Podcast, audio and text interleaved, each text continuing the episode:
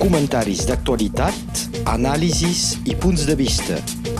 La crònica d'opinió amb l'advocat Pere Beca. Bon dia.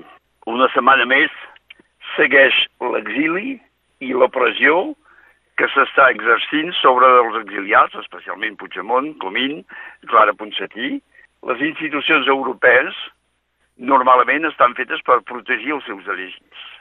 I en aquest cas, en base de la demanda de la Fiscalia Espanyola i doncs el govern espanyol, s'acabaria descredibilitzant la institució europea per no protegir gent que han sigut votats en condicions que no han sigut discutides mai.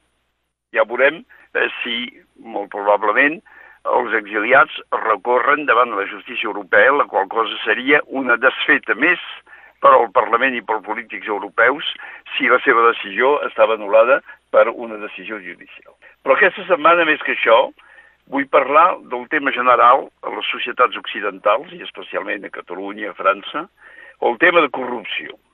Tots els àmbits de la ciutadania estan concernits per aquest tema de producció.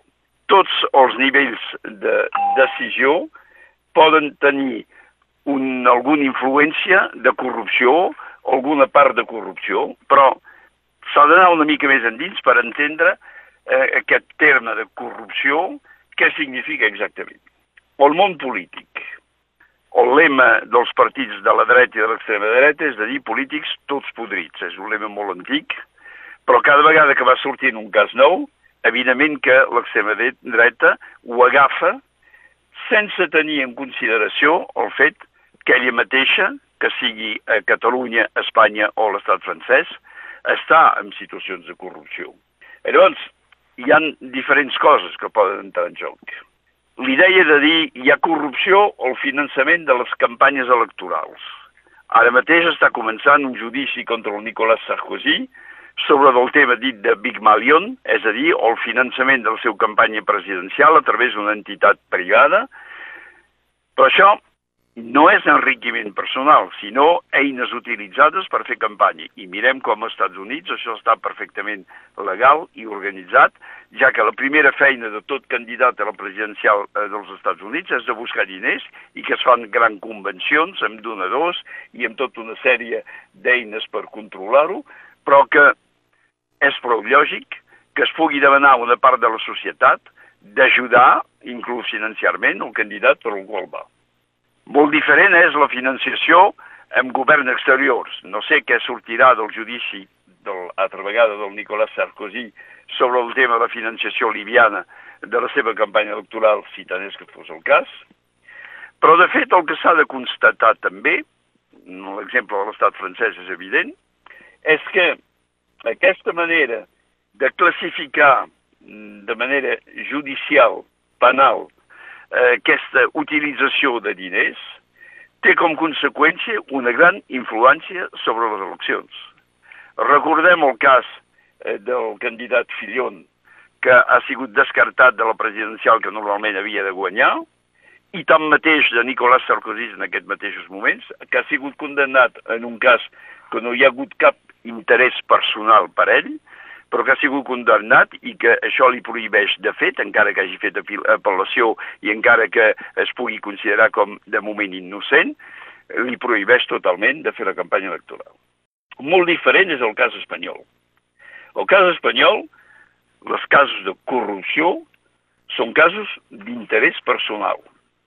Una vegada més hem de recordar la situació de la família real d'Espanya. El gendre del propi passat rei, un gardaquín que està a la presó, a la presó, perdó, per la presó, per corrupció per interès personal, i el propi Joan Carles, que tenia una imatge molt superior, d'alguna manera salvador de la democràcia espanyola, que també ha hagut d'exiliar-se en un país que no té gens res de democràcia i que tampoc s'havia demanat extradició en ell, llavors que s'ha demanat contra Puigdemont, Comín i Clara Ponsatí. I més que això, que s'explica tranquil·lament que aquest mateix passat rei, que no té cap més càrrec polític, té alguns funcionaris espanyols o gent pagats per l'estat espanyol al seu servei actualment a l'àrea on està, i que, d'alguna manera, una mena de miracle, troba diners ara per reemborsar el seu deute fiscal perquè té uns amics que eh, li donen aquests diners. És extraordinari que hi hagi gent així al món que pugui sortir 3 o 4 milions d'euros per ajudar un amic. Però més que això, a l'estat espanyol en aquests moments s'està tornant a obrir una part del procés de la corrupció del Partit Popular. Se'n parla molt poc, va ser el motiu de la caiguda de Rajoy, però després això va quedar totalment oblidat i la premsa, i especialment la premsa de l'estat francès, no en parla gens. Per tant, amb el cas Bárcena, s'està explicant i desmuntant que des de l'any 1982 s'havia muntat una comptabilitat paral·lela al Partit Popular i que durant quasi bé 40 anys, 35 anys, això va anar funcionant, és a dir, d'alguna manera, robant l'hisenda espanyola, doncs robant els contribuents espanyols per afavorir el funcionament del Partit Popular i assegurar el manteniment d'aquest mateix Partit Popular al poder a Espanya. Això hauria de ser un cas fonamental, perquè això dictamina la política manada per l'estat espanyol en base d'una utilització fraudulent de diners.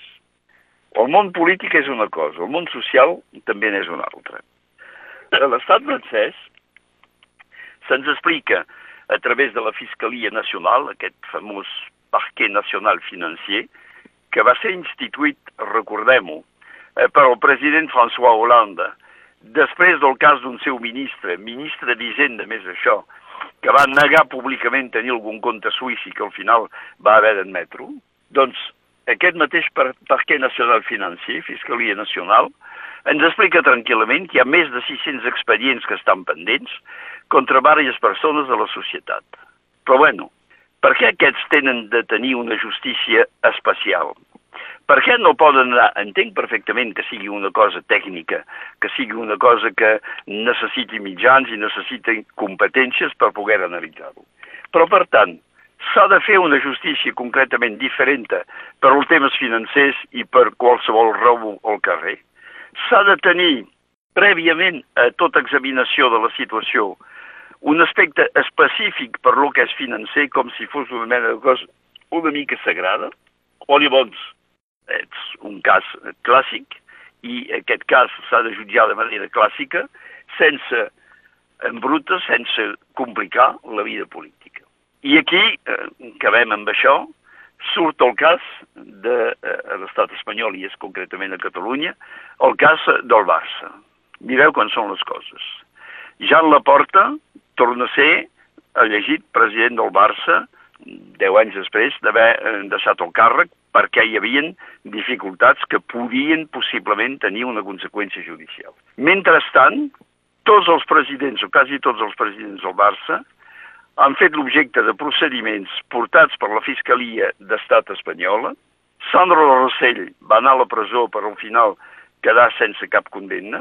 Bartomeu, amb molts efectes mediàtics, ha sigut no empresonat però deixat a disposició de justícia per, durant uns quants dies amb dos o tres dels seus adjunts, també per coses que no, sent, no són clarament desmostrades i que en tot cas no són lligades en un enriquiment personal de la persona.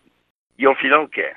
Al final consta que tots aquests presidents del Barça eren, més o menys, però clarament, a favor de la independència i que eren una mena de portaveu al món esportiu i al món mediàtic internacional del moviment catalanista. I d'això, evidentment, la Fiscalia Espanyola en fa un cas essencial de, per demostrar que tots aquests són corruptes i que, per tant, tots els independentistes han de ser corruptes. Va ser la manera d'actuar dels eh, anys 30 d'una part eh, de la dreta alemana, de desacreditar els membres de moviments polítics contraris per treure'ls influència. No estic dient que s'ha de tancar els ulls sobre tots els fets de corrupció, evidentment no. Però s'ha de mirar molt clarament quin és l'objecte que persegueix la, la Fiscalia actuant en contra de personalitats del món polític o, o al voltant del món polític que tinguin posicions que no els hi convinguin. Perquè si l'utilització judicial de fets, encara que fossin fets que es puguin criticar jurídicament, té per conseqüència de desacreditar un moviment polític popular majoritari, hem d'anar molt en cuidado amb això perquè és d'aquesta manera que neixen, o més aviat que moren, les democràcies. És d'aquesta manera que es prohibeix la possibilitat per qualsevol de tenir una opinió polític de por que li vinguin a mirar els seus assumptes personals. És una mena de línia de cim, de, de marxar sobre d'un fil molt difícil. No es pot anar molt d'un banc, no es pot anar molt de l'altre. Però sí que tots els ciutadans hem de tenir clar que cada vegada que la Fiscalia actua en aquest plan, hem de mirar quines són les raons fonamentals que la porten a actuar d'aquesta manera. Moltes gràcies. Comentaris d'actualitat, anàlisis i punts de vista. La crònica d'opinió amb l'advocat Pere Beca.